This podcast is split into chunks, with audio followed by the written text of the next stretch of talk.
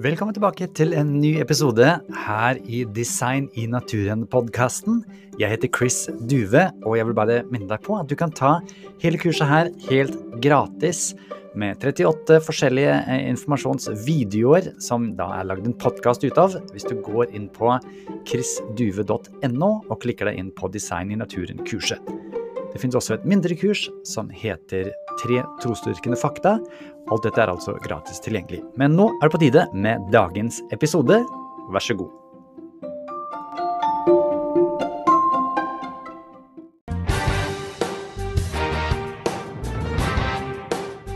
Yes, well, I want to say a hearty welcome to Dr. Casey Luskin. Thank you so much for being here and spending time with us this evening. It's great to be with you, Chris. Thanks so much for having me. It's wonderful to have you because uh, I know that you uh, love the past.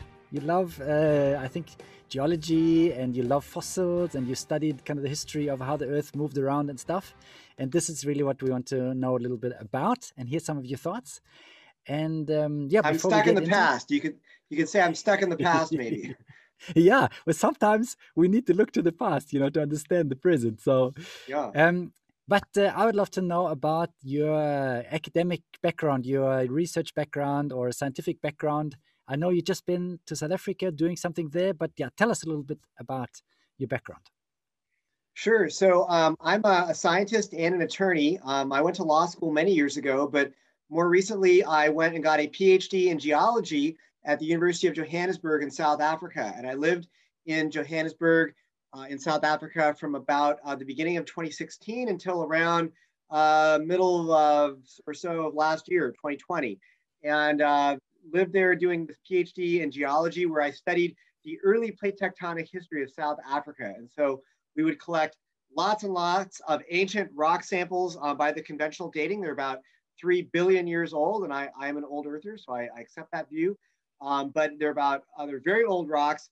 We would then uh, use uh, paleomagnetism to measure the magnetic properties of rocks and try to determine approximately where on Earth were these rocks located? Where was South Africa located at the time that these lava rocks formed, like they came out of a volcano? And so uh, we were doing basically reconstructing the, the early plate tectonic history of South Africa. It was a lot of fun. So where was South Africa three billion years ago? Well, it was probably around uh, maybe 40 to 45 degrees latitude. So today it's around, you know, 20 to 30 degrees latitude. Maybe we could say 25 degrees latitude. So it's a little bit further from the equator uh, back then than it is now. But that being said, it's moved all over the earth, you know, between then and today. So it's just a data point. Yeah. That's so, so just how do you measure magnetism in a rock? Is that easy to explain? Oh man. Well, uh, first we draw, I can, let's see if I've got an example here. First we, we drill these little cylindrical shaped drill cores out of the rock. We cut them into little pieces. They're actually about this size. And we put them in a machine called a magnetometer. Um, and the magnetometer measures the magnetic north. This little rock right here is a very, very weak magnet. And it's got a magnetic north pointing in a direction. So you put this in a magnetometer and it will tell you what direction is magnetic north. And then by doing that about a thousand times, you average it all out and you come up with an average paleomagnetic north for the rocks that you're studying.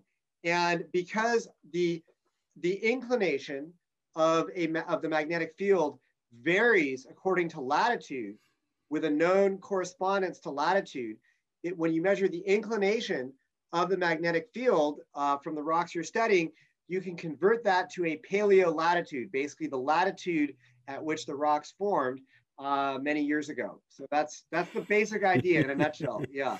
That sounds yeah, that's cool. You, you you have to have people who are especially interested, I think, to to put a thousand. You gotta be a little crazy. You gotta be a little crazy. Let me tell you. Yeah. That's I mean, I, I maybe I even went crazy while I was doing it. I'm not sure. Yeah, yeah, yeah. Well, for me, I I always loved the idea of fossils. I mean, my I'd love to take my boys to go digging for you know dinosaurs or, or something. So I think it's so interesting um, to, to look at that. And in Norway, in our uh, school system, of course, we learn about fossils and we learn also about human fossils. And there's a book called uh, Bios 2, and it's uh, full of good stuff. And uh, it has also some things that sometimes makes me wonder. And one of the links that was in this book uh, on the online version was to this uh, human timeline.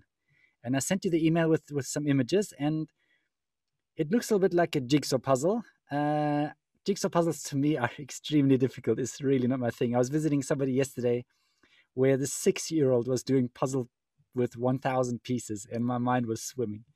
But this looks like an even bigger jigsaw puzzle. I mean, this is over millions of years, starts at seven, goes down to basically now. And it looks like they kind of, how did they figure this out? Like, how did they put this together? Yeah, so so let me say that while I was living in South Africa, Chris, I had quite a few opportunities to go to fossil hominid sites and go to museums and even get tours from from uh, some very highly credible paleoanthropologists. And I got to study and learn a lot about these fossils. So even though it wasn't part of my official research, I actually did have a lot of opportunities to study these human hominid ancestors um, that have been found in South Africa. So how did they reconstruct this? Well, let me tell you that I'm a skeptic of the overall evolutionary story. Um, I think that the overall evolutionary story that they tell us when they say, oh, well, this this lineage, this fossil is the ancestor of this fossil, and this fossil is the ancestor of this fossil, and, and so on and so forth. I think that that is not based upon hard evidence. That is largely based upon materialist philosophy, which is being imposed upon a very sparse data set. And by sparse, I mean there's not a lot of data to work with, okay? Hominid fossils, I would say the entire field of paleoanthropology is highly fragmented. Paleoanthropology is the field that studies hominid fossils and that supposedly is uncovering our hominid, our ancestors. And so hominid field, is is that human or is it still kind of in between? Where does hominid come in? Sure, that's a good question. So the word hominid can these terms are used differently in the literature depending on who you ask. Okay, so it becomes very confusing. Some people use the term one way, some people use the term another way. Officially, the term hominid refers to any member of family Hominidae. And family Hominidae is a family that includes us, all of the great apes, so chimpanzees, gorillas, orangutans, going back to our supposed most recent common ancestor that lived maybe 10, 15 million years ago, okay? Now, that is one way to, to use the term hominid. The more common way to use the word hominid is it is any member of there's sort of this this tree and there's a common ancestor that human beings had with chimps okay and any member that's on the branch that led to human beings after we split from chimps. So we got this common ancestor down here. Goes to chimps goes to humans. Any member that's on the branch that led to humans is said to be um, a hominid. Okay so we would be a hominid. And of course this is if you buy the evolutionary story, which I'm, I'm a major skeptic of it, but this is the way that they would often use the term hominid. So when I say hominid in this discussion today with you, we're talking about any member that sort of goes back to the most recent common ancestor that we supposedly shared with chimps. And, uh, and these would be sort of our ancestors, supposedly, going back to our most recent common ancestor with chimps. Okay. And when you look at this list, it, it looks kind of like they figured it out. Like, it looks like a pretty clear lineage. What's yeah. wrong with it? Well, okay. So I wanted to first say that the hominid fossil record is highly fragmented. Okay. And it's fragmented in three ways, I like to say. Number one, the fossils themselves are highly fragmented. Okay. Um, the fossils are, uh, when we find them, they're typically just scraps of bones and maybe a couple pieces of a jaw or something like that. Uh, Stephen Jay Gould, a very famous paleontologist from Harvard University, he said, most hominid fossils, even though they serve as a basis for endless speculation and elaborate storytelling, are fragments of jaws and scraps of skulls. So we just have these very fragmented bits of fossils. And a lot of what you see in these, in these drawings of our supposed ancestors, that's interpretation that has been added by an artist. It's not, I mean, sometimes they have complete or fairly complete skeletons, but very often we have only a, a few fragments of the skeleton. Another way that the fossil, um, that the, the hominid fossil record is fragmented is that these fossils themselves are scattered in space and time. We don't have a nice complete record that sort of shows a continuous gradual evolution.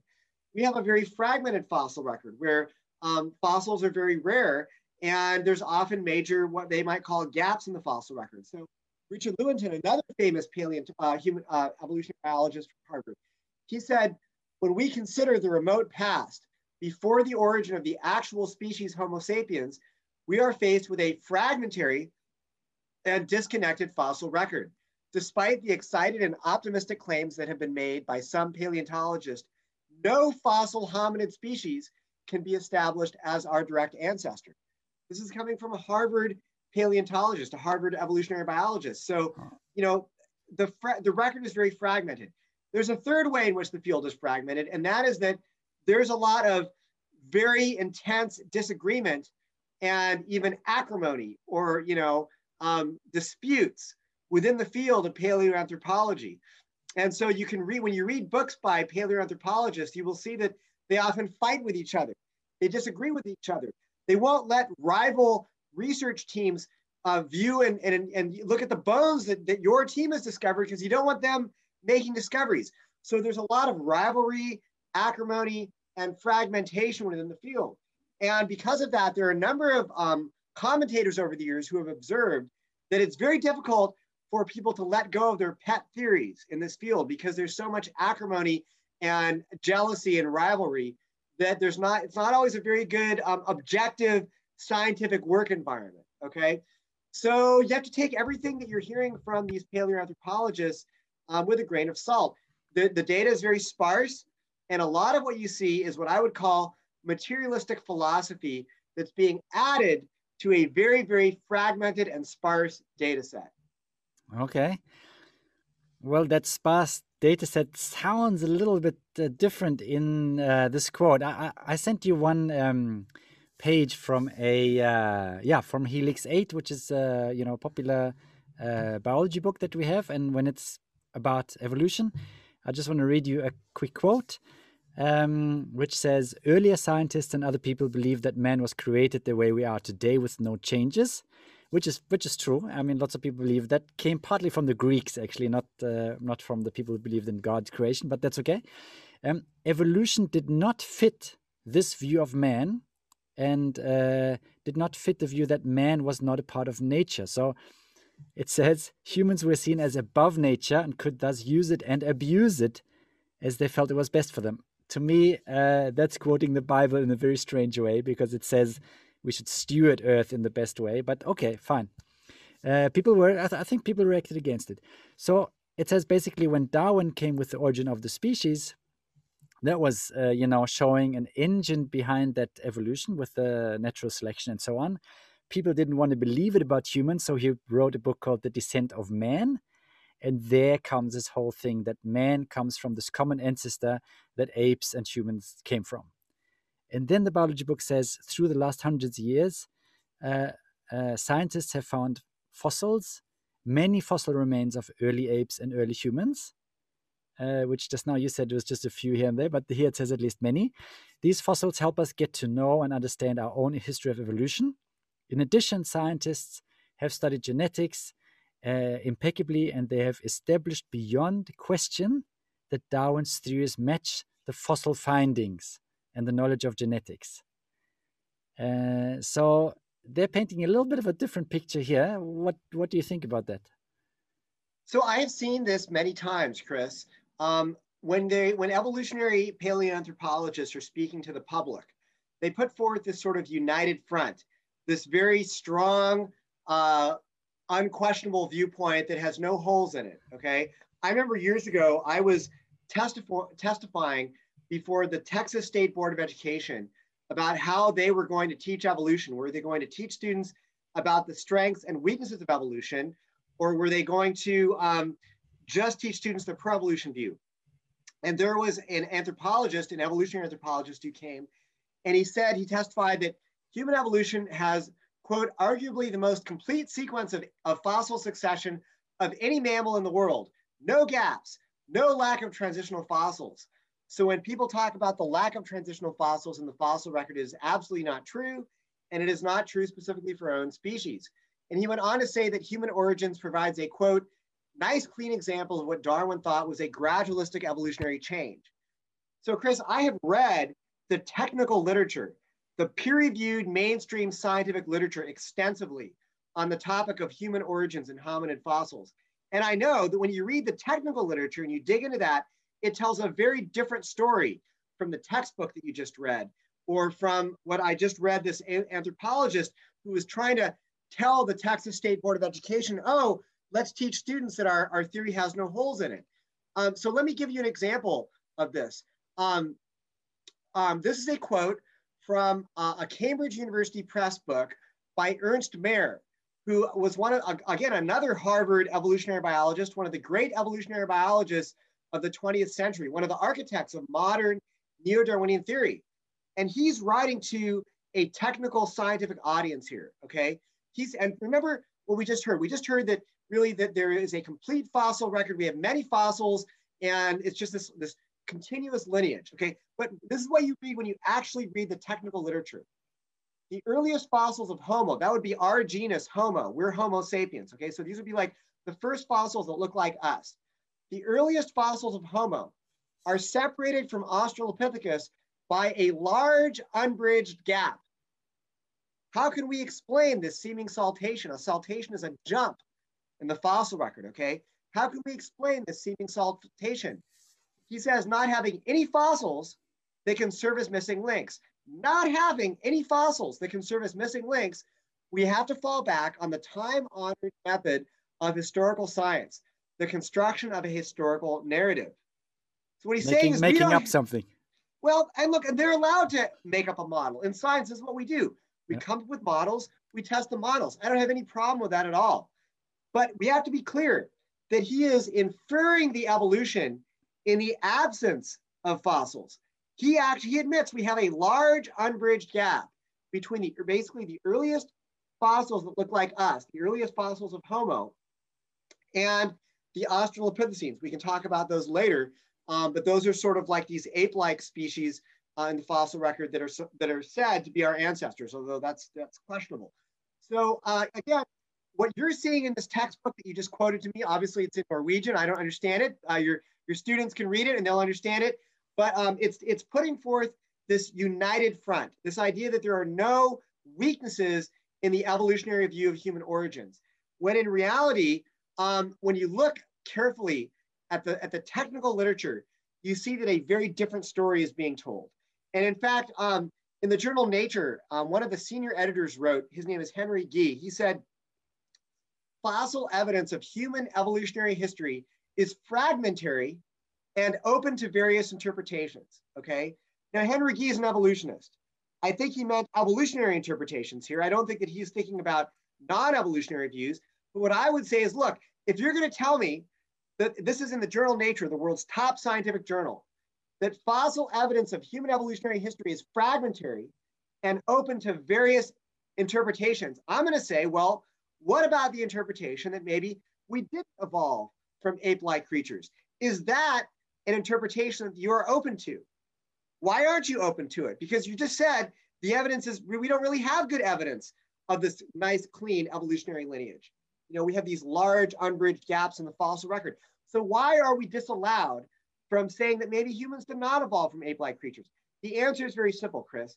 It's because what's driving all of this is materialistic philosophy, not hard evidence, especially when it comes to the human fossil record. The evidence is so sparse that all these connections, all these evolutionary relationships that supposedly connect us to these ape-like ancestors, it's being driven by a materialistic philosophy, not by hard evidence.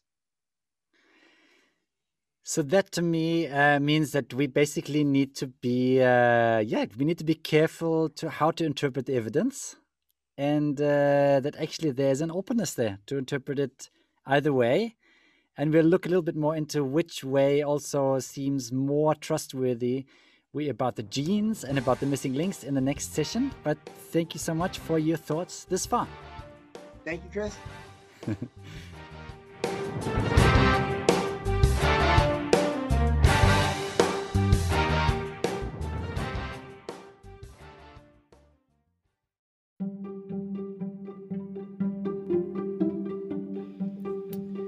Igjen, dersom du ønsker å få tilgang til de hjelpearkene eller oppgavearkene, så er det jo fullt mulig for deg å signe opp til kurset. Da går det an å laste det ned. Hvis du går inn på chrisduve.no, så ser du all informasjonen der. Dersom du ønsker å støtte denne podkasten og annet arbeid som jeg holder på med, kan du også lese mer om det på chrisduve.no. Takk for nå.